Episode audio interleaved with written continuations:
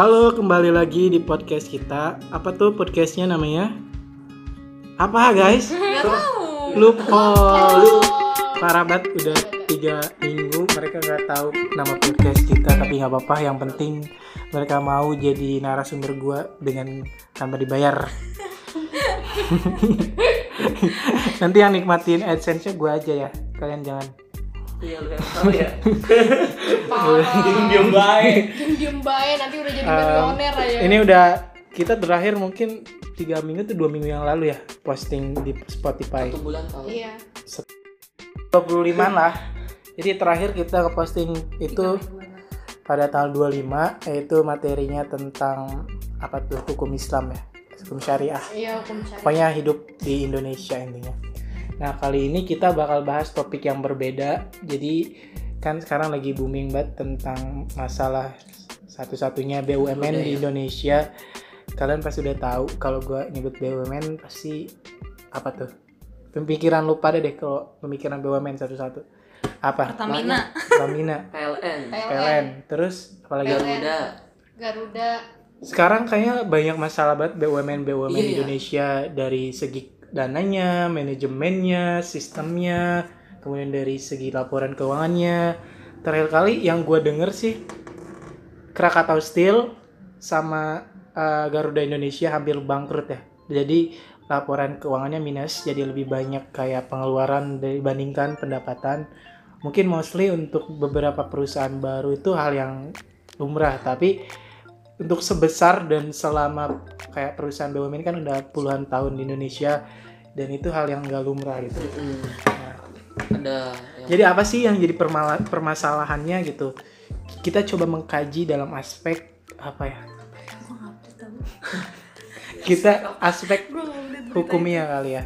Tapi sebelum jauh-jauh, mungkin kalian uh, ini ya sebagai kita tuh kan bukan pelaku usaha, tapi sebagai konsumen dari badan usaha milik negara itu. Mungkin kalian setiap orang di dunia ini di dunia nggak di dunia se- setiap orang di, di Indonesia ini pasti pelanggan PLN. Kalau Iya, lu bukan pelanggan PLN, ada dua pertanyaan. Yang satu apa tinggal di Baduy. Iya. enggak yang satu lu cek dulu lu ada di rumah atau di hutan. Iya. yang kedua apakah lu udah bayar token lu atau belum. Jadi ada dua kemungkinan doang. Nah, jadi kan berbagai macam kayak kemarin blackout tuh. Dari blackout Banyak kemudian ya. Krakatau Steel Krakatau Steel yang banyak di PHK, kemudian Garuda Indonesia yang katanya Eh, itu menunya sempat ini ya, sempat mau Ya. dimasukin ke pilot ya. enggak enggak tahu sih gua nggak Tapi- ngikutin Iya pilotnya. gue ingat. gue sih yang sempat gue baca tuh ada OJK OJK-nya gitu. tuh. Iya lagi di pilot Iya. OJK. Kayaknya bukan dipilotin sih, dilihat dulu Disidik- apakah disidik laporan gitu. keuangan yang gue lihat sih apakah laporan keuangan mereka itu sesuai dengan mekanisme dalam undang-undang atau kagak yang gue lihat si OJK lagi meneliti. Nah dari sekarang gue lagi mengkaji aspek dari segi pelindungan konsumennya. Benar gak? Kalian kan sekarang lagi concern dalam pelindungan konsumen. Apalagi teman-teman gue ini di di sebelah gue pada ngambil hukum perdata. Mungkin mereka udah Oh, pada iya, hukum perdata. apa bilangnya hukum publik konsentrasi. Iya lagi ngambil konsentrasi perdata. Jadi mungkin dari beberapa mereka udah mulai concern tentang pelindungan atau protection. Jadi kan consumer consumer apa Kons- proteksi proteksi dari dari konsumen. Jadi ini yang bakal jadi topik kita kali ini. Kalian pasti bener- pernah dengar bahwa kasus terkini dari siapa youtuber siapa apa jadi yang Sirius Fernandez dan Elwi. Elwi. Nah, Elwi. Jadi nah. dari kronologi yang gue baca dari Instagramnya, lo bisa buka Instagramnya nggak? Terus Iya. Fernandes lagi banyak kuota nggak nih? Gua nggak ada Instagram siapa. Jadi di situ dia nggak klarifikasi sih. Gua uninstall lagi. Tapi yang gue lihat dari kronologisnya, dia udah berdamai dengan si Pihak Garuda. Garuda. Jadi gue jelasin dulu dari kronologis yang gue tahu ya. Jadi diawali dia terbang sama ceweknya si siapa? Eh mereka mau ke mana sih? Mau ke Australia. Siapa ceweknya tadi? Si Elwi. Elwi. Dia pakai Garuda Airlines. Jadi dia pulang dari nggak sebelumnya dia ke Indonesia Dia dia seorang ini pilot. Enggak, kayak youtuber Tapi Oh. ya reviewer. Oh iya iya. Jadi iya, iya. kayak banyak orang yang nggak tahu Sirius Fernandez itu salah satu youtuber yang sebenarnya dia nggak spesialisasi dari pesawat, dia banyak review Iya, makanan pesawat. dan lain-lain, tapi kebanyakan pesawat sih. Jadi Sirius Fernandez itu sama ceweknya pulang pergi dari Indonesia balik eh, ke Singa ke Australia. Terus dari Australia ke Indonesia tuh Indonesia. pakai Garuda Airlines. Mm-mm. nah di situ di hari pertama dia nggak ngerasain kayak apa sih kayak bad experience gitu ya. Dari penerbangan perdana bukan perdana dari Indonesia ke Australia. Nah pas dia baliknya ke Indonesia pas balik Indonesia jadi ada beberapa keluhan yang pertama dari segi wines tau kan wines Tahu tahu. ya kayak minuman-minuman Minuman. kayak gitu wines dan Anggur. anggur dan ap- apa pun itu jadi baru baru lima- 40 menit atau di bawah 40 menit udah habis gitu Iya. sedangkan flightnya itu panjang berapa jam sih Singapura Singapura eh Singapura Australia Coba ya cari. kita lihat jadi sedangkan tuh flightnya itu panjang jadi satu jam pertama itu udah habis si wine-nya jadi pas di cabinnya itu banyak si itu yang marah-marah gitu si Iya, si- konsumennya Kan jadi kebanyakan kan penumpangnya bukan ini marah-marah sih ya. iya bukan marah-marah kayak kecewa gitu Bagi Kan lu-. Ya. kayak lu ngam lu pakai bisnis Class. class tapi ekspektasi lu pasti tinggi kan dapat wines yang Iya, unlimited pelayanannya bagus. pelayanan yang bagus tapi ketika dia lihat ekspektasinya mungkin untuk standar dari apa sih airlines kayak gitu kan itu nggak terma nggak nggak masuk kelas mereka Iya. ekspektasi mereka dapat unlimited wines tapi ketika satu tegukan doang dia udah habis semuanya Bukan di Whisky dan lain. 6 jaman. ya 6 jaman jadi satu Iya. jam pertama itu udah habis nah the next bad experience-nya jadi ketika dia kasih makan tadi nih guys jadi pas dia mesen makanan meals di pesawatnya Oh, gue ikut itu biasanya meals tuh awal dan akhir atau sekali dong gimana penerbangan kan Iya gimana penerbangan? Gak tau sih gue belum pernah naik Garuda soalnya. Astagfirullahaladzim. kita donasi nanti buka di kitabisa.com biarkan Ingrid menikmati Garuda biar dia jadi pas di last dia pas back flight ke si Indonesia pas dia mau ngasih mealsnya itu ternyata dikasihnya bukan menu tapi tulisan tangan si si pramugari. pramugarinya jadi kayak misalnya lu mes- di situnya ada menu misalnya rendang Iya misalnya iya iya. nasi Iya. padang dan lain Tapi sedangkan kalau ekspektasi lu standar dari bisnis kelas itu kayak menu biasa kayak di Menu, restoran iya. dan kayak misalnya ada main course ada dessert dan lain-lain tapi ketika itu kan cuma tulisan tangan jadi itu sempat dia publikasikan di story-nya kayak dengan pernyataan yang Wow. mungkin sedikit menyatakan bahwa kecewa kali ya kalau lu kayak gitu kecewa gak sih Kecewa sih. Kecewa. coba Gue udah bayar mahal. hal termahal lu yang pernah lu laku bayar tapi lu kecewa ada nggak Apa ya? ada nggak Eh, apa ya? Gue pernah nggak sih? Eh gue pernah. Ini sebenarnya pas gue di hotel sih waktu PJA, eh PJA Universitas Sudarto atau apa? Universitas Sudarto, Undip. Undi. Pas Sudarto. Gue kan di hotel, gue ingat banget hotelnya ada di Semarang, hotel bintang 4 Iya. kita nginep di hotel itu. Jadi ketika gue perjalanan jauh dari Serang ke Semarang, naik Semarang. bus, Yang jauh bisa banget bayangkan keringatnya dengan bis puntir dan Thai gak Ascent. boleh ngomong Iya, selama boleh ngomong. perjalanan. Nah, ketika gua pengen mandi, lu tahu airnya air kayak air got yang keluar dan bayangkan itu bau dan hitam. Jadi kayak showernya tuh kan ketika dan kampretnya tuh ya kamar mandinya tuh nggak nggak bukan tutup pintu kayak digeser gitu. Iya iya. Kayak di Jepang kayak Nobita gitu tuh. Nobita. Iya. Dan gue sekamar tiga orang, eh empat, empat, empat orang. Nah, ekspektasi gue pulang dari itu kan mau mandi, tapi ternyata airnya kayak got. Nah, mungkin lu kalau di posisi gue juga kecewa kan, ini kan bintang 4, masa sih airnya kayak got gitu? Emang quality quality controlnya gimana gitu tuh? Terus ketika tiap hari kagak ada tuh yang suka bersih bersih Suka jalan-jalan itu ya. Iya. ya nggak ada jadi ya kamar kayak kamar gua doang ya acak-acakan gitu nggak ada yang ngeberesin kan biasanya kalau kita out gitu paginya kalau nggak Iya, ada langsung iya. dibersihin. kalau masih bersihin gitu acak Biasanya Gitu, gitu, sih ya, ada. bintang-bintang 4, Bintang 4 kan lumayan ya 700, 800 kan. Iya. Seharusnya udah pasti iya. Ya itu pengalaman gua gitu. Walaupun gua dibayarin kampus, tapi ya ekspektasi gua kan.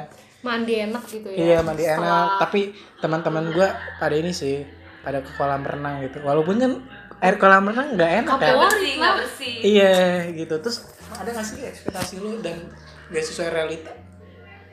Apa ya? Gue kayaknya belum deh. pacaran misalnya Hmm, kayak kalau gue lebih ke ini sih lebih ke pelayanan gitu tuh kayak misal restoran kayak Iya. dia tentang pelayanan dia kurang gitu tuh maksudnya Iya kayak iya. ya maksudnya touch dari pelayanan itu penting bagi gue kayak lu pengunjung datang ya ya lu harusnya ngelayanin dia ya sesuai baik gitu loh SOP, maksudnya iya standar ya buat dia untuk nyaman di tempat Iya. lu. Karena kan dia juga bisa bagiin apa sama temen-temennya untuk datang lagi ke tempat lu.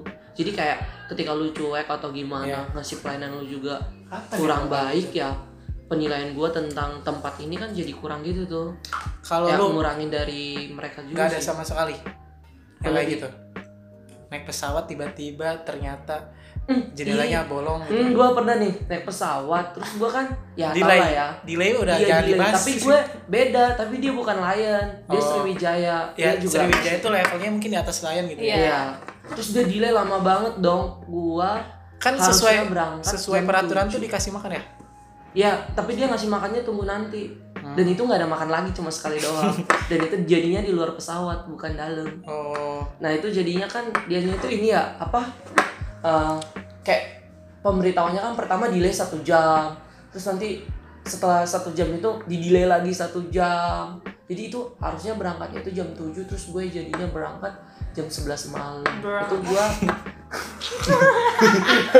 itu gua ke Jakarta. Masa ke Jakarta doang gua nunggu 6 jam. habis itu lu ke Serang lagi ya kagak lu Enggak, stay gua gua stay di Jakarta. Dan itu ih gua kayak nggak nggak apa-apa sih maksudnya untuk pengalaman ada kompensasi gue, duit gak dari itu pertama Sriwijaya? itu pengalaman pertama gue kan naik pesawat terus jadi gua, ekspektasi lu langsung iya jadi kayak ampun bosan banget lu kayak bela- bayar berapa tuh? boring gitu tuh kayak itu oh iya di situ kan lagi naik pesawat ya Iya. pas waktu ini nih waktu liburan Jadi liburan mahal. iya jadi itu sembilan ratus ribu sampai 900. satu juta normalnya berapa normalnya kalau pesawat standar dia mungkin 600 700 deh Hmm. Paling naik naik berapa persen mungkin 20 ini kasusnya pesawat-pesawat juga ya ada topik lain nggak selain pesawat Enggak kalau gue sih kayak lebih pernah itu kayak pernah nggak sih lu beli barang yang online Sofi Enggak. hmm. Enggak. lu belanja online Iya emang gue pecinta pecinta belanja pen- online shop sih. Cuma Iya. kalau misalnya sejauh ini kalau misalnya online shop eh, jarang mengecewakan karena gue Iya. belinya di Shopee. anjir Paling emang Shopee lu itu percaya iklan. ya Enggak, enggak sorry sorry. Gue gue pernah iklan. gue pernah dikecewakan sama Shopee gue juga beli baterai gua terus pernah- baterainya ini Eh, gue pernah, gue pernah nih ya. Oh ya, gue beringet gue pernah Eh, dikecewakan oleh Shopee. bukan Shopee-nya tapi oknum dari penjualnya Iya. gitu ya Entah itu pelayanan, entah itu sistem dari Shopee atau gimana, gue juga kurang Ih. ngerti. Iya. oh iya lu kan kayak udah percaya Jadi, gitu kan Iya, tiba-tiba gue dikecewakan gue tuh udah percaya banget pokoknya sama Shopee sampai Eh, sampai lu gue beli siap- pulsa. BTW lu belum kenal lu siapa Oh sih? iya. iya Oh iya, sebenarnya gue pendatang, bukan pendatang baru. Ini narasumber gua coba siapa Oh iya, nih? Sebenarnya gue bukan pendatang baru sih, gue kayak hanya bintang tamu aja di sini. bintang tamu Bukan bukan member, Iya. bukan member tetap. Dia gak masuk member kita tapi kayak ya Iya, iya, dia asik aja gitu iya. ya ada dia. Kenapa? Ada telepon. Enggak, kepencet. Nih.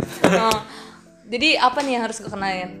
Nama, nama lu kayak siapa lu? Oh, nama gue, nama gue Ingrid Ruth. Ingrid atau Ingrid? Lu selalu bilang Ingrid. Ingrid, Ingrid. gue tuh sebenarnya nama gue sebenarnya Ingrid, cuma Ingrid itu apa ya? Ing Ingrid. bahan-bahan Iya. ing ingredient ingredients. Enggak nama gue sebenarnya Ingrid. Cuma dikarenakan ketipuan ketipuan dari pihak rumah sakit waktu gue kecil dan bapak gue nggak mau ngurus. di rumah sakit. eh di capil Di- ya? Iya, capil. pokoknya ketipuan pihak sana. Jadi bapak gue terus bapak gue males ngurus ya udah jadinya nama gue itu Ingrid di akte. Padahal sebenarnya Ingrid ya udah jadi gue sebut gue nama nama gue Ingrid. Itu Ingrid. sesuai ekspektasi lu gak dilihat itu. apa? Lihat akte lu. Ekspektasi lu tau dan lu tau gak sih gue tahu nama gue Ingrid Yang itu asli. yang asli itu gue baru kelas 6 SD pas gue ngisi pas pas gue mau mau UN oh iya pas itu gue kan baru kalau UN udah kita UN udah nggak bisa lagi diubah. Iya gue melihat akte gue. Sebenarnya gue pernah cerita ini ke lu ya, yang kasus gue nyimpen nama lu Ingrid beneran. Sebenarnya gue gua mau gue tipoin. mau gue masih yang mau gue benerin karena gue itu tipe. Tapi ketika gue lu lihat bahwa itu nama bener lo jadi nggak nggak gue benerin Iya, lagi. iya bener bener, bener. In- Ingrid. jadi kalau nulis itu in In, Ingrid, Ingrid, Ingrid, Ingrid, harusnya Ingrid. Harusnya Ingrid. Kalau nggak Ingrid. Ingrid. kan? Udah udah udah oke oke ya kalau nggak Ruth aja Ruth udah. Iya, Ruth aja. Eh, Oke, gue biasa dipanggilnya Ingrid atau enggak sama teman-teman sama teman-teman baru gue, gue bisa dipanggil Ruth. Nggak tahu ya.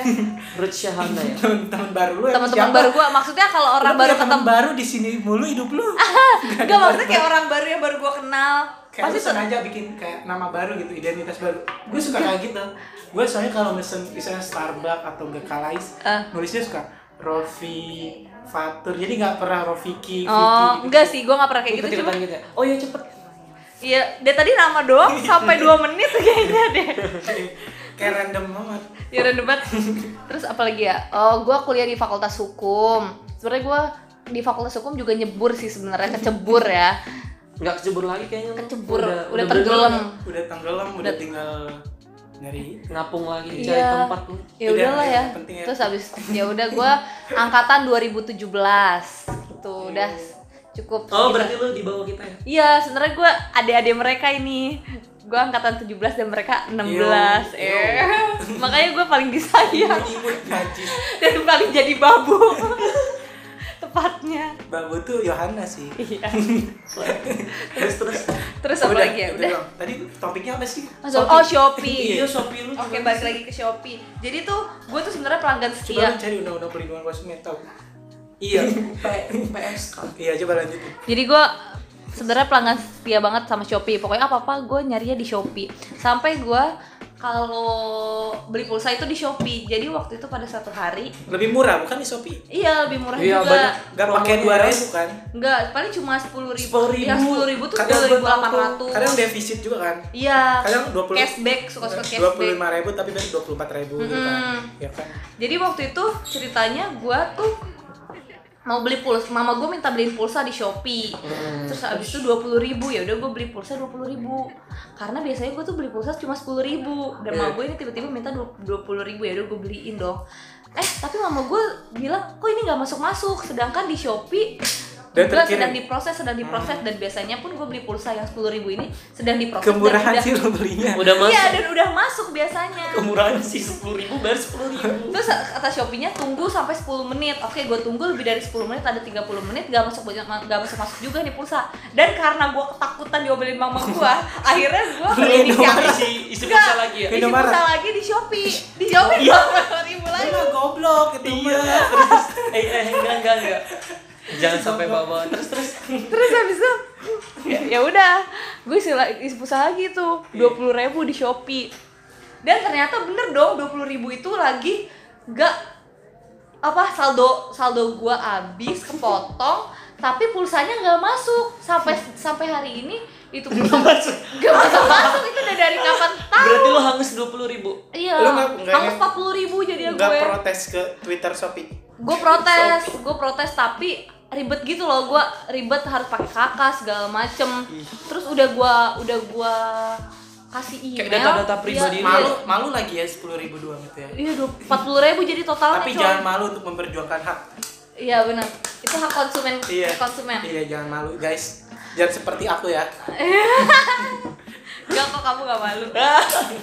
Ya udah jadi itu sih gue walaupun walaupun cuma istilah cuma empat puluh ribu tapi kayak gimana ya jadi itu yang bikin gue apa sedikit kehilangan percaya kepercayaan sama Iya. Shopee Oh. itu tuh itu kalau kata lu itu lebih ke arah mana tuh Iya kesalahan sih. sistemnya atau orangnya atau, Atau emang lu nya karena lu nya pemiliknya. setengah-setengah protesnya Eh, sebenarnya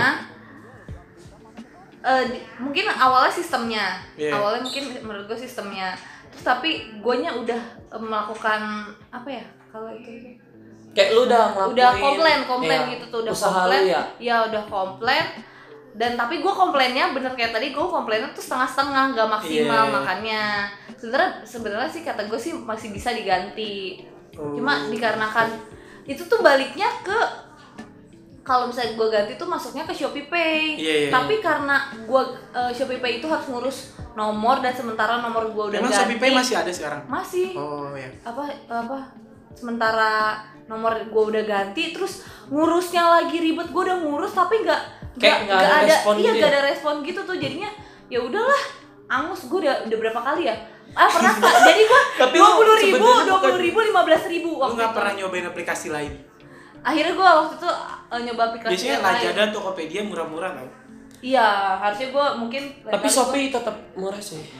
ya mungkin gua kalau beli barang-barang mungkin di Shopee Nggak, tapi kalau untuk beli pulsa gitu kan. Iya. Iya, kalau gua ke tempat lain. Ini gimana? Tokopedia. Protesnya masih ada nggak kayak pengalaman lu? hmm, Udah. udah sih Lu masih ada? paling iya, iya. Udah. Udah.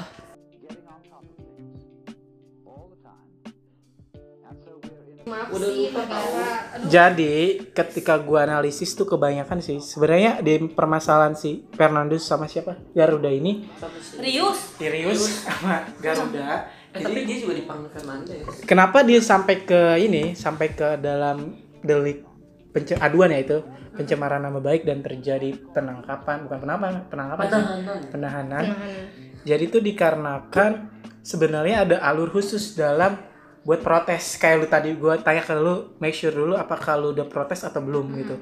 Jadi kalau gitu. Iya ada mekanisme khusus untuk komplain jika lu terjadi permasalahan di kabin Garuda atau di luarnya.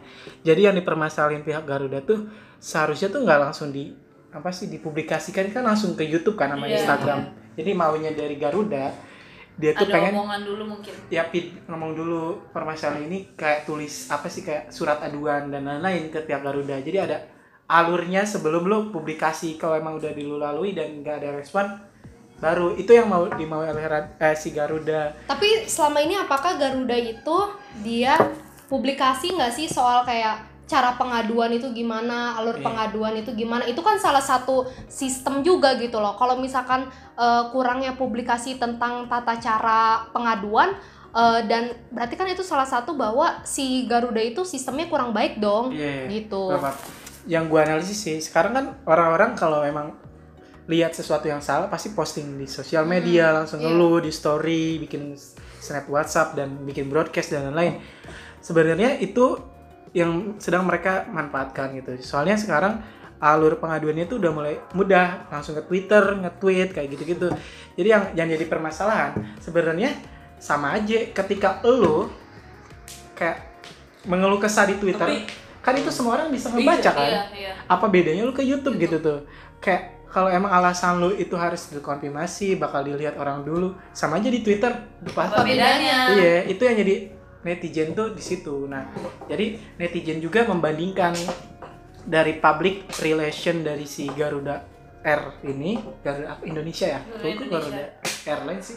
Garuda Indonesia atau Garuda Airlines Garuda Indonesia. Iya. Airlines. Garuda Indonesia ini jadi kalau di luar negeri contohnya ada kasus yang sama di Singapura jadi kayak mereka protes dengan menu yang tidak sesuai ekspektasi dan lain bukannya ditahan gitu malah mereka dikasih tiket gratis dan refund gitu oh iya iya iya, jadi iya. kayak treatment terhadapnya itu berbeda itu yang dipermasalahkan seharusnya tahu kayak gitu ya. Iya, Maksudnya kayak gitu sih. yang gue tanyakan juga Kayak lu- apakah suatu kritik itu apa bedanya sih kritik sama pencemaran nama baik gitu kalau misalnya lu yang kritik itu sesuai fakta gitu. Bener gak sih? Lu udah lu udah nonton belum sih videonya Sirius ini? Udah, udah, Udah. udah nonton. Tapi dia dia bilang gini tahu kenapa sih ini mereka ini apa langsung ngasih penahanan yang lu bilang tadi? Kan Iya. sebenarnya nggak ada undang-undang yang bilang kalau kita itu kayak komplain harus minta izin dari mereka. Iya. ya kan? Ya kebebasan berpendapat kan. Intinya pelindungan konsumen sih. Iya. Nah kenapa kita bahas topik ini? Karena kita akan bahas. Bukan. Kok diulang-ulang sih? kenapa kita bahas topik ini? Karena kita akan ngomongin tentang apa guys? Apa? Astagfirullahaladzim. undang eh apa? pelindungan konsumen. Jadi topik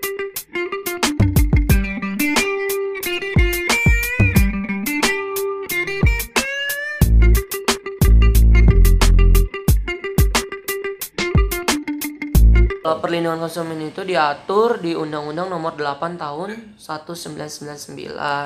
Terus di pasal satunya itu perlindungan konsumen itu adalah segala upaya yang menjamin adanya kepastian hukum untuk memberi perlindungan kepada konsumen. Konsumen sendiri diartikan setiap orang pemakai barang atau jasa yang tersedia dalam masyarakat baik bagi kepentingan diri sendiri, keluarga, orang lain maupun makhluk hidup lain dan tidak untuk diperdagangkan. Ya.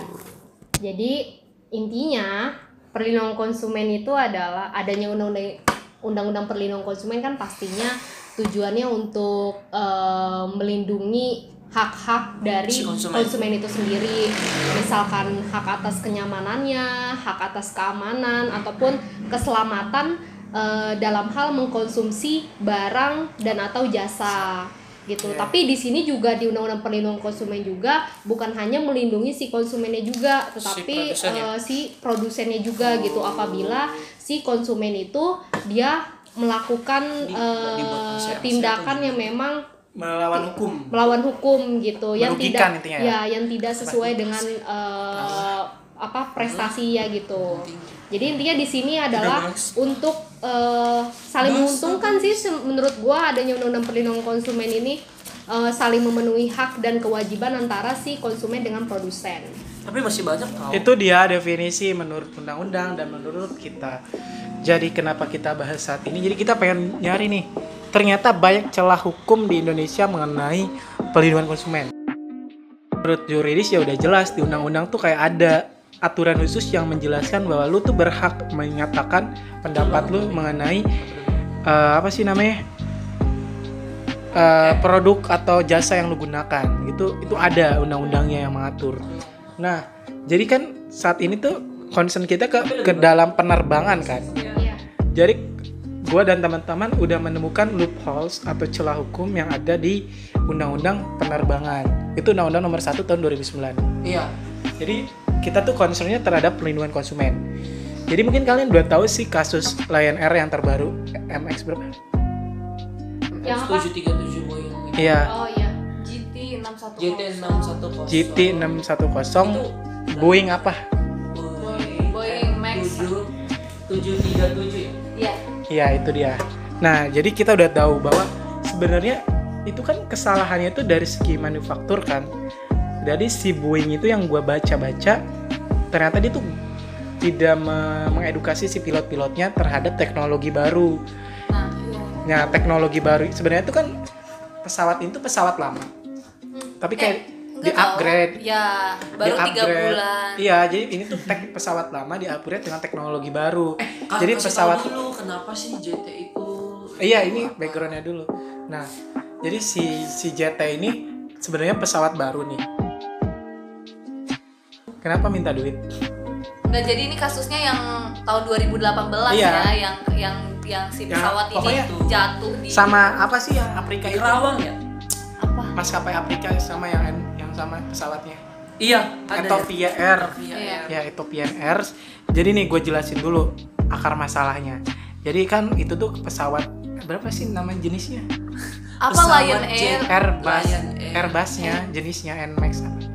Max 737. 737. Iya, jadi jadi Airbus eh, bukan Airbus, Boeing. Bo- Boeing, Boeing, Boeing. Boeing, Iya. Boeing 737 itu sebenarnya itu kapal model lama tapi di upgrade desainnya. Jadi dia tuh pengen pakai mesin pesawat yang baru dengan ukuran yang besar tapi badan pesawatnya Tidak ini loh. tetap sama gitu tuh jadi caranya dia mengangkat si mesinnya itu yang dari pes, apa sih kayak sayapnya itu dia angkat supaya si pesawatnya tetap flex, eh, stabil dikasih sensor otomatis. Jadi nggak biar nggak biar nukik tiba-tiba dikasih sensor otomatis. Jadi dia tuh bakal bikin stabil. Kadang-kadang misalnya dia maju terus maju terus nukik tiba-tiba. Nah ini yang nggak diketahui oleh si pilot-pilot. Jadi si pilot itu ngiranya tuh nukik karena ada failure Iya. gitu ada kesalahan dari pesawatnya. Tapi nyatanya itu ada teknologi baru dari si si Boeing. Boeing ini jadi kalau lu misalnya lu jadi pilot tiba-tiba ininya kok ke bawah-bawah muluk sih. Jadi dia bingung dong. Jadi secara tidak langsung dia menarik itu. Nah di nggak terjadi ya. iya kayak kayak blackout dan mes- turun mesin gitu. Kayak mesinnya tiba-tiba mati dan jedar mati ke bawah kayak Iya. turun ke bawah. Itu yang gue tahu dari segi kronologis. Jadi yang menjadi permasalahan manufaktur pesawatnya itu yaitu Boeing itu nggak nggak ngasih edukasi. Jadi cuman kayak ngasih aplikasi di iPad cuman 5 menit bayangin cuman cuman uh, sebelum lu naik pesawat ini cuma dikasih aplikasi di iPad suruh baca selama 5 menit Kita disuruh baca gitu. Iya, coba baca dong. Yaudah udah lu habis itu lu take take take out gitu. Take out, Take away, off. take, Take off.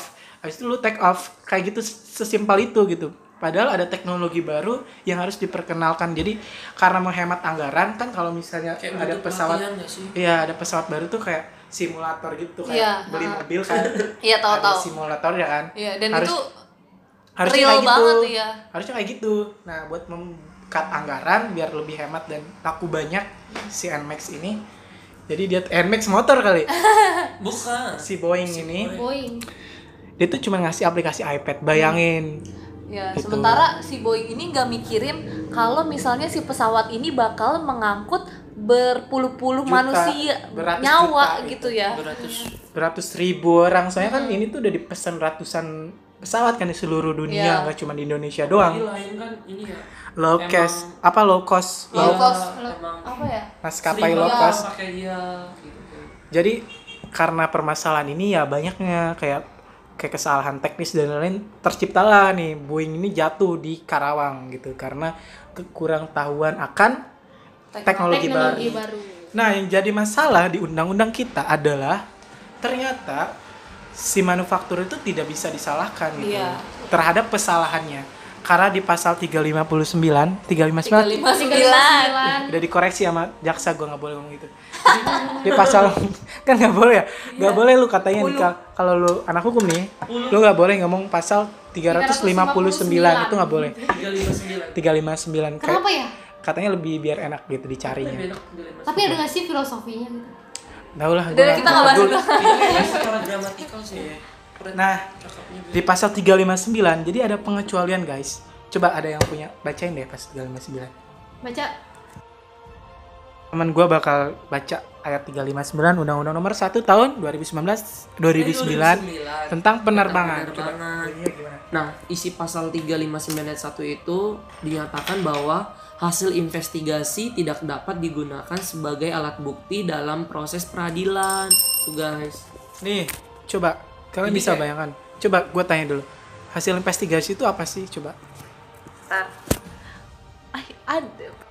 Jadi, menurut gue tuh hasil investigasi itu eh Bukan menurut lu yang ayo, baca yang gitu. yang ya sepemahaman gue gitu Iya, ya dari yang kemarin kita udah korek-korek gitu ya hasil investigasi hasil investigasi itu hasil di mana eh, penyidik mencari eh, alasan-alasan penyebab-penyebab terjadinya kecelakaan pesawat. Nah eh, sebenarnya tujuan dari investigasi itu itu tuh untuk eh, apa ya untuk mencari hasil rekomendasi agar tidak terjadi kecelakaan pesawat yang sama gitu. Makanya dilakukan investigasi kecelakaan Eh, jadi yang lu jelasin tadi sebenarnya hasil investigasi itu hanya menjadi rekomendasi doang buat ke depannya. Jadi jika terjadinya failure-nya itu yang gue bilang tadi kesalahan manufaktur, si konsumen tidak bisa menuntut itu dikarenakan itu di undang-undangnya dibatasi gitu tuh. Jadi Terus kalau misalnya kita ini eh, terjadi human error gitu emang dari Iya. sama aja ya? Ya kan karena gue bilang tadi sebenarnya kan ini aspek kesalahannya di di manufaktur pesawat orang yang masih hidup maksudnya subjek hukum nih intinya yang bisa dituntut atas pertanggungjawaban pida- eh, pidana perdata atau perbuatan melawan hukumnya. jadi dia tuh sebenarnya sebagai subjek hukum yang bisa dituntut.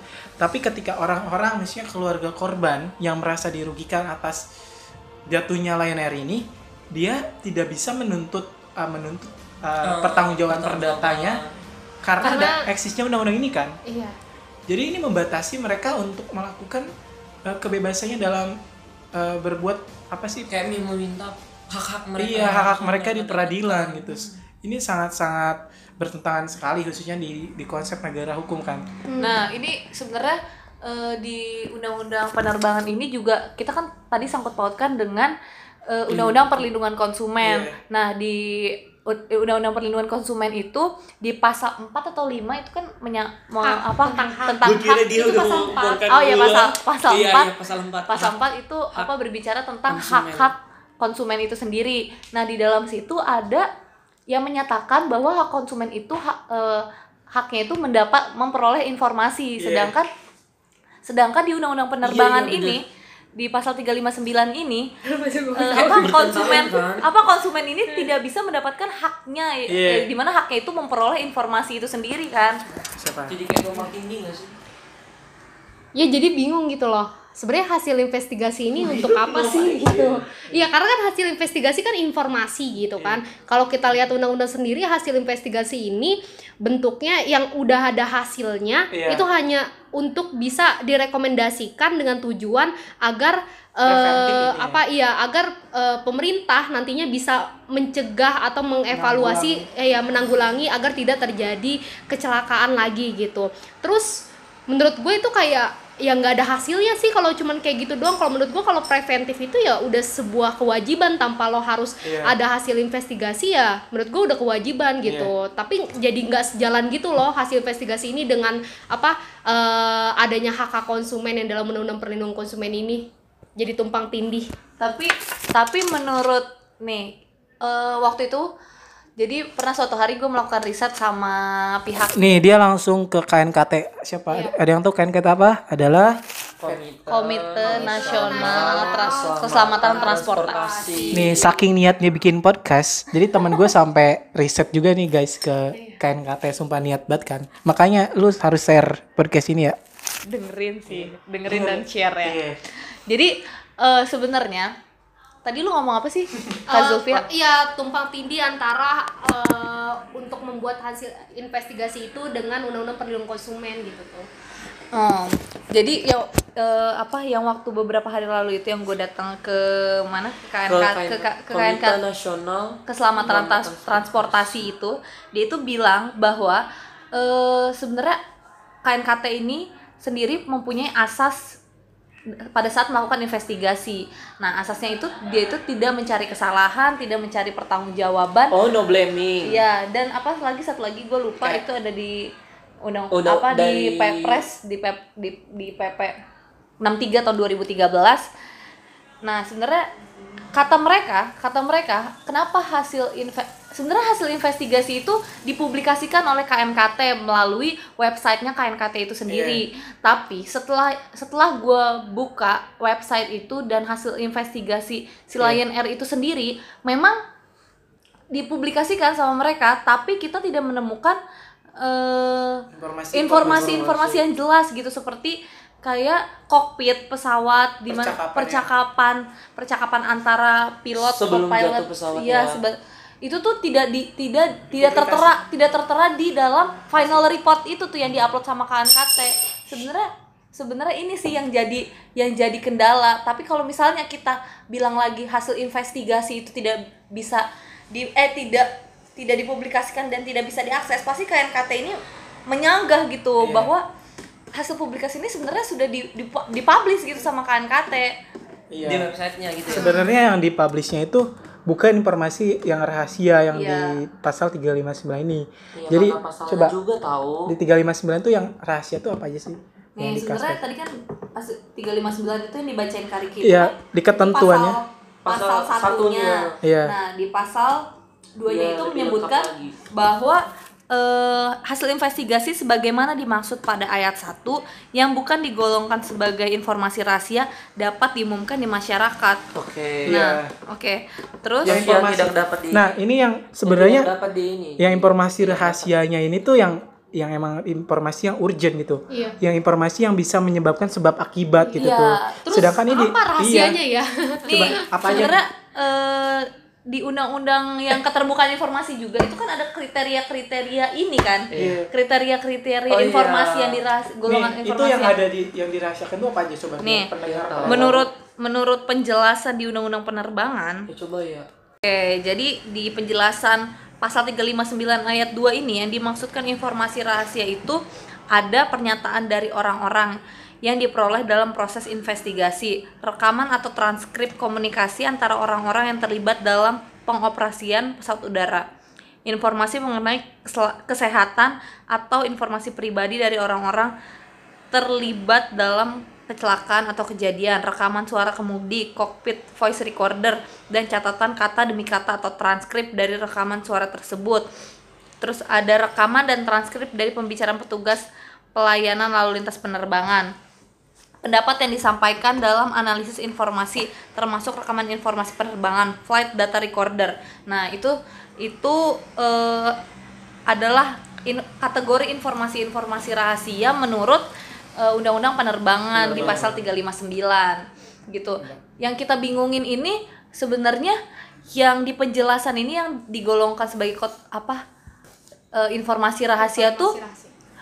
Kan di kalau kita sangkut pautin sama undang-undang keterbukaan informasi kan Iya. eh, itu tuh ada beberapa kategori Beberapa ini ya. kategori ya informasi, Informasi yang dirahasiakan ya. seperti yang menyangkut keselamatan negara keselamatan negara terus abis itu eh tentang apa sih Ini nih menghambat proses penegakan hukum, Iya. kayak informasi yang dikecualikan itu tuh kayak menghambat, Mengapa? terus menghambat proses penegakan hukum, terus dua itu mengganggu kepentingan perlindungan hak dan kekayaan intelektual atau persaingan tidak usaha Hmm. tidak sehat, terus membahayakan pertahanan keamanan negara itu emang harus ditutup, terus mengungkapkan kekayaan alam Indonesia, merugikan ketahanan ekonomi nasional, merugikan kepentingan hubungan luar negeri, mengungkapkan isi akta autentik yang bersifat pribadi dan kemauan terakhir seseorang, mengungkapkan rahasia pribadi seseorang, memorandum atau surat badan publik yang menurutnya dirahasiakan, terus informasi publik yang tidak boleh diungkapkan berdasarkan undang-undang. nih Tapi ini apa lagi kalau kita lihat dari ini ya lebih ke menghambat proses penegakan hukum. Terus itu kenapa harus ditutup? Kalau itu untuk penegakan hukum Iya. harusnya itu dibuka. Jadi kayak kayak bertentangan jadi iya kayak jadi ini enggak sih Udah. menyilang udah jelas belum sih sebenarnya Kayak antara berlawanan. undang-undang itu saling kontradiksi, saling bertentangan, tindih tumpang gitu ya. kalau tindih. gituan ya. Karena kita lihat di undang-undang keterbukaan informasi itu sebenarnya ini si pasal 359 itu nggak nggak memenuhi klasifikasi dari informasi iya, rahasia. Iya, buat di Karena sebenarnya tutupin. dengan ditutupnya itu malah menghambat dari kepastian proses hukum. nah Iya. Iya. menghambat dari proses Penegakan hukum itu iya. sendiri kan Jadi kayak kayak bingung gimana gitu. ya? Ini Terus kalau legislatif misalnya- apaan gitu. Iya, kalau misalnya itu informasinya ditutup, informasi-informasi yang kita inginkan ini ditutup, ditutup. Jadi terus kayak dari mana kita uh, bisa- bisa, memperoleh bukti-bukti Iya. untuk apa? Untuk mencapai penegakan hukum itu Penegakan sendiri hukum, kan? iya. Kan tadi udah kalian dengar bahwa bukti-bukti itu seperti percakapan kokpit, teknis dan lain-lain. Itu kan Itu kan hal-hal yang sangat esensial buat ngebuktikan di persidangan nih. Misalnya kita nggak terlalu jauh lah, maksudnya jangan fokus kita nggak perdata dulu. Tapi kalau memang memang dilihat ada aspek pidananya gitu tuh, per perbuatan Ih, yang padahal kan di sengaja. ininya di undang-undangnya juga bagi yang melanggar itu ada hukuman pidananya. Iya, Terus ba- kayak mana bagaimana kita melakukan pidana itu pidana. padahal eh, informasi investigasi tadi itu itu alat sendiri. bukti nggak bisa diakses. bisa tuh. Jadi nih kalau lu bayangkan nih, lu contoh nih, gua gua bikin kayak kronologi. Misalnya lu sebagai pendengar, sebagai uh, penumpang dari layak jangan Lion Air, misalnya suatu maskapai. Iya maskapai. Dan pada saat itu terjadi human error. Iya. Misalnya harusnya mungkin ini bodoh sekali ya. Harusnya landing landing di Singapura tapi kelewatan sampai ke Amerika gitu tuh. Kan itu kayak human error gitu ya. Dan di di tengah-tengah lu kehabisan bahan bakar gitu tuh. Dan lu lu Nggak uh, mungkin sih kayaknya kalau lu kehabisan bahan bakar Bisa, kan bisa, bisa. turun di India misalnya. Kayak mereka salah perkiraan iya, gitu ya. lu turun di India misalnya. dadakan gitu. Dan terjadi goncangan dan menyebabkan kaki lu ketusuk jarum misalnya. Dan lu nggak bisa jalan dan lu lumpuh. Bayangkan informasi-informasi untuk membuktikan bahwa mereka itu salah melakukan tindak pidana dan terjadi human error tuh nggak bisa lu dapatkan gitu Iya. karena itu tertutup jadi walaupun lu mengalami kerugian yang sangat besar maupun dari kerugian perdata maupun lu lu kira ada Pidana. tindak pidananya lu nggak bisa eh, kayak melakukan upaya hukum di situ jadi lu kayak udah terima kompensasi dari Lion Air Sesuai perjanjian pesawat, maskapai. Iya. maskapai. iya maskapai lu cuman bisa terima dari asuransi. Apa tuh namanya? Asuransi jiwa gitu. iya asuransi asuransi. jiwa. Apa sih yang yang lu bayar? Jasa marga. ya jasa marga.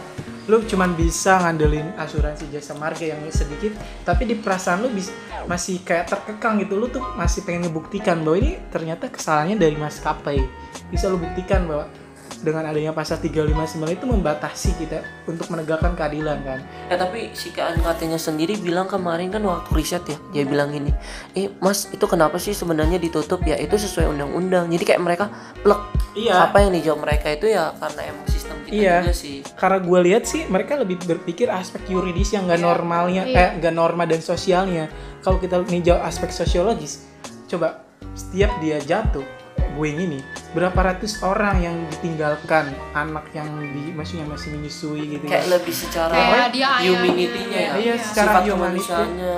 karena ada undang-undang ini jadi kayak imunitas sendiri gitu sebagaimana imunitas untuk si Iya. kepentingan dari maskapai itu sendiri sih kasarnya gue bisa bilang bahwa manufaktur pesawat secara bebas bisa bikin kayak percobaan kepada manusia-manusia gitu karena adanya undang-undang mereka kebal hukum ya. Iya, ketika lu pengen nyoba suatu misalnya inovasi nih pesawat yang bisa terbelah dua gitu. Karena di dalam undang-undang ini ada maksudnya ada aturan penglimitasian atau imunitasnya. Jadi lu bisa semena-mena nggak bisa minta pertanggungjawaban dalam perbuatan hukumnya gitu Men- Jadi kayak ini gak sih sebenarnya kayak ya kayak tentang masih secara teknis doang gitu tuh Iya, undang-undangnya. di luar negeri. Coba teman gue sempat riset bahwa KNKT di luar negeri hasil investigasinya tuh dia sampai ke luar negeri Iya. bayangin. Sumpah niat banget temen gue Dia sampai ke Tuvalu. Gue gak tahu Tuvalu di mana? Dia sampai ke Tuvalu katanya Buat nyari bahwa di luar negeri. Jadi nih ya Yang gue bilang tadi teman-teman gue bilang Hasil investigasi itu nggak ada sebab akibat. Jadi dia Iya. dia tuh hanya kayak rekomendasi. Iya betul. Nah kalau di luar negeri udah kayak gimana teman-teman? Nah terus kita kan eh iya sempat riset kan maksudnya ke luar negeri. Eh, ke luar negeri dong. lu ke luar negeri kan? Terus tahu gak sih sebenarnya di Jepang seperti negara Jepang, Australia. Australia, sama Amerika ya. Nah itu mereka sebenarnya udah membuka eh, hasil investigasi ketika terjadi nih kecelakaan pesawat. Terus mereka menerima setiap keluhan maupun pihak dari si konsumen itu minta eh, hasil apa yang terjadi ketika pesawat itu kecelakaan. Jadi itu kan bisa kayak penegakan hukum mereka kan di sana bahkan kayak putusannya itu ada kalau emang itu human error. Jadi si pihak maskapai itu bahkan pilot dan kopilotnya itu bakalan dikenakan sanksi. Jadi nggak kayak kita di Indonesia. Kalau kita kan kayak yang tadi mereka bilang itu kan kayak no blame, nggak ada untuk menyalahkan, tidak untuk mencari. Terus gimana pertanggungjawabannya? Terus apakah cuma hanya sekedar asuransi yang telah diperjanjikan antara produsen sama konsumen terus kita iya iya aja gitu. Maksudnya kayak bingung gitu loh. Sekarang itu udah zaman yang kita itu ya mulailah lihat apa-apa aja. Itu kayak butuh oke te- terima kasih. Butuh kayak butuh tentang kayak negara lain aja berani gitu ngebukain hasil investigasi. Lagi juga nggak ada salahnya gitu Iya. tuh kalau cuma hanya bilang kayak penyebab sama ininya untuk mencari penyebabnya doang ya hasil investigasi itu juga kayak misal ditutup ya sebenarnya itu juga kayak udah menutupi penyebabnya gitu gak sih?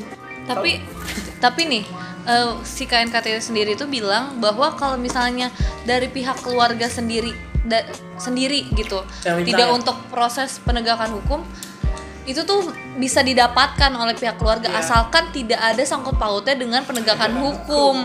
jadi untuk apa ya? Sama aja sih tinggal negara Eh, apa ya bisa nggak lu cepu kayak gitu.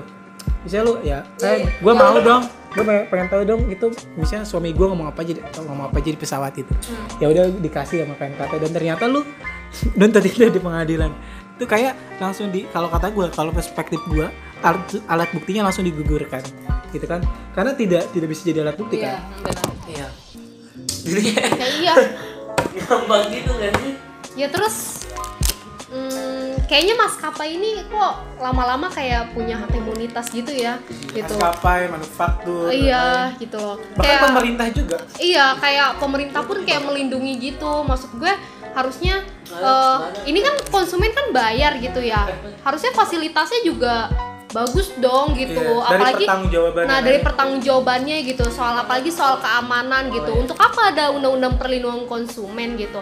Ap- untuk apa ada memang kita secara hierarki undang-undang dasar juga udah jelas banget gitu di situ Iya. tentang eh, setiap orang itu berhak untuk mendapatkan informasi. Tapi nyatanya sekarang kok apa undang-undang dari para apa pemilik perusahaan itu sendiri kayak punya hak imunitas gitu. Yang pada akhirnya tidak memberikan perlindungan juga untuk konsumen gitu. Ketika dia menuntut ketika dia menuntut kewajiban para konsumennya tapi dipenuhi kan sama konsumen. Tapi ketika konsumen ini menuntut hak sama sa- sama sekali nggak ada gitu untuk bisa Iya. jadi kayak dipenuhi. perlindungan konsumen itu juga buat apa gitu ya? Iyalah gitu. Ya kalau gue lihat di maskapai penerbangan Indonesia, mungkin pener sorry, tapi tahu nggak sih yang ini? ASMR. kan kita maskapai kita itu kan tergabung ke dalam apa? Konvensi Chicago nggak sih? Chicago iya. Iya kalau negara lain udah bisa ngelakuin itu kenapa kita enggak ya? Hmm. Ya, Kayak gue bilang tadi nih, sengaja banget ya. sebenarnya yang gue lihat dari yang lu pada jelaskan secara yuridis banyak sekali bentrokan-bentrokan gitu dari segi uh, undang-undang s- organik atau undang-undang yang setingkatnya Bahkan bahkan ke undang-undang dasar pun banyak bertentangannya gitu tuh Di Sebenarnya- pasal berapa kak bertentangannya? Uh, pasal 24 A ya Iya. 28, 28. enggak yang yang kekuasaan kehakiman Oh, dulu Oh, Iya. iya. iya. 24 sama pasal 28 jadi di situ lu bisa kaji di situ sebenarnya mungkin kalau lu niat judicial review bisa lu judicial review itu pakai itu Iya ya benar. kalau lu niat ya Iya. kalau gak niat Kita juga mau kok judicial review asal ada dana donaturnya nih dari para lawyer-lawyer. Kemungkinannya juga besar tahu sebenarnya. Iya. Jadi yang gua masih lihat sih apakah dari segi penerbangan ini eh pelindungan konsumennya itu sengaja ditiadakan gitu? Apa Tapi- bagaimana? Tapi tahu nggak sih sebenarnya kayak kan sekarang orang udah malas ya naik transportasi darat ya emang emang langsung kayak pesawat. Jadi kayak keuntungan besar tahu sama pesawat kayak eh maskapai. Karena sekarang masyarakat kita emang udah memakai ya naik pesawat aja gitu tuh lebih enak nggak apalagi kan Indonesia kan jauh-jauh ya pulau-pulau Iya. Sebenarnya iya iya gue bilang tadi bahwa seharusnya harus ada mekanisme yang tepat dalam pelindungan konsumen di maskapai ini gitu tuh.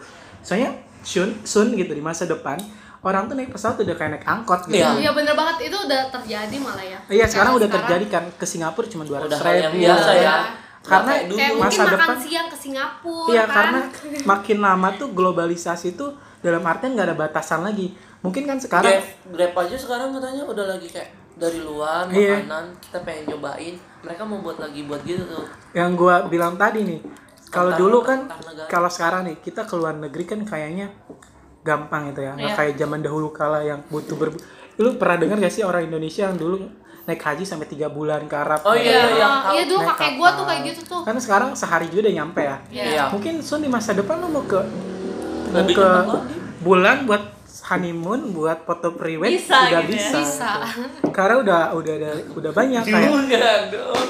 Iya, maksudnya globalisasinya udah karena harus ada pelindungan itu dalam aspek penerbangan ya harus harus jelas dong gitu. Sebenarnya udah usang banget sih 2009 kan dibentuknya. Sekarang udah hampir 10 2019. tahun. Mungkin harus udah direvisi nih dari aspek si pelindungannya gitu tuh.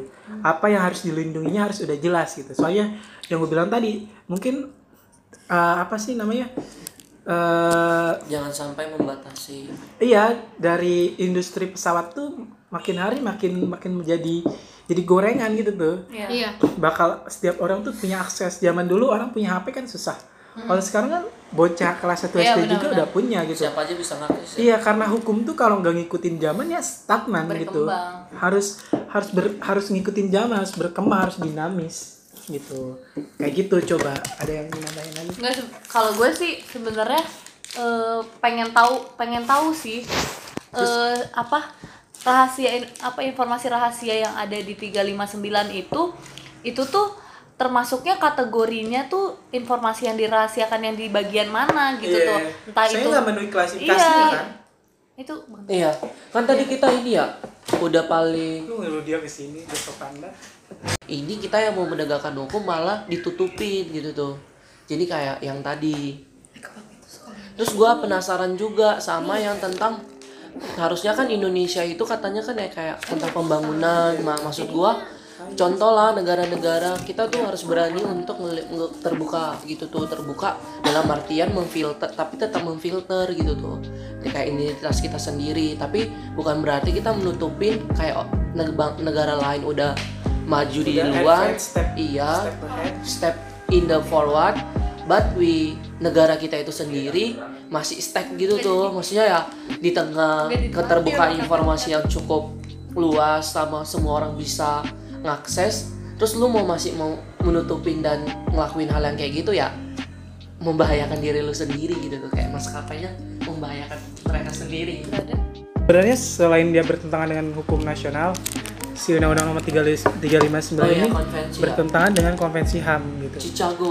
Dan apa sih yang yang mana? Konvensi deklarasi PBB iya yang non apa sih yang gue masukin itu? Permohonan Non-derogable. ya non derogable non derogable rights itu sebenarnya dia tuh nggak masuk klasifikasi non derogable Tuh, derogable rights.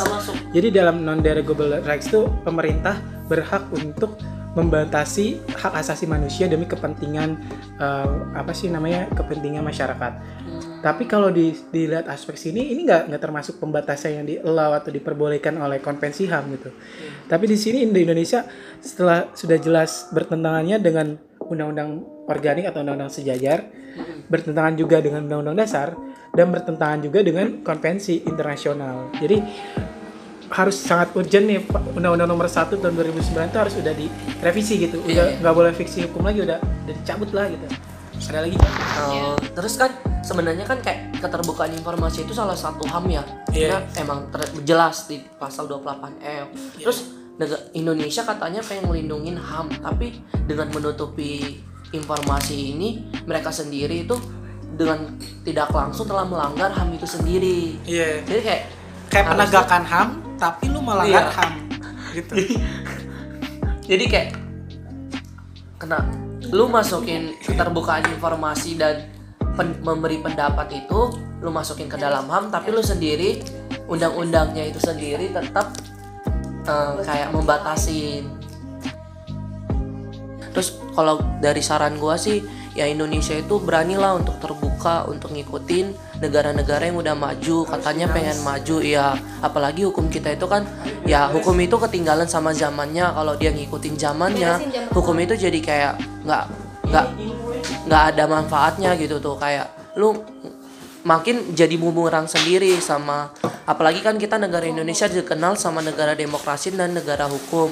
Tapi kita sendiri membatasin hak-hak dari warga negara. Dan di penerbangan itu sendiri juga kayak yang tadi eh, makin banyak yang gunain. Harusnya Indonesia juga makin peduli sama perlindungan konsumen dari hak pener yang memakai jasa penerbangan. Jadi siap nih Kariki untuk JR Undang-Undang Penerbangan. Nah, siap. siap. Kami siap JR Undang-Undang Penerbangan asal ada donaturnya.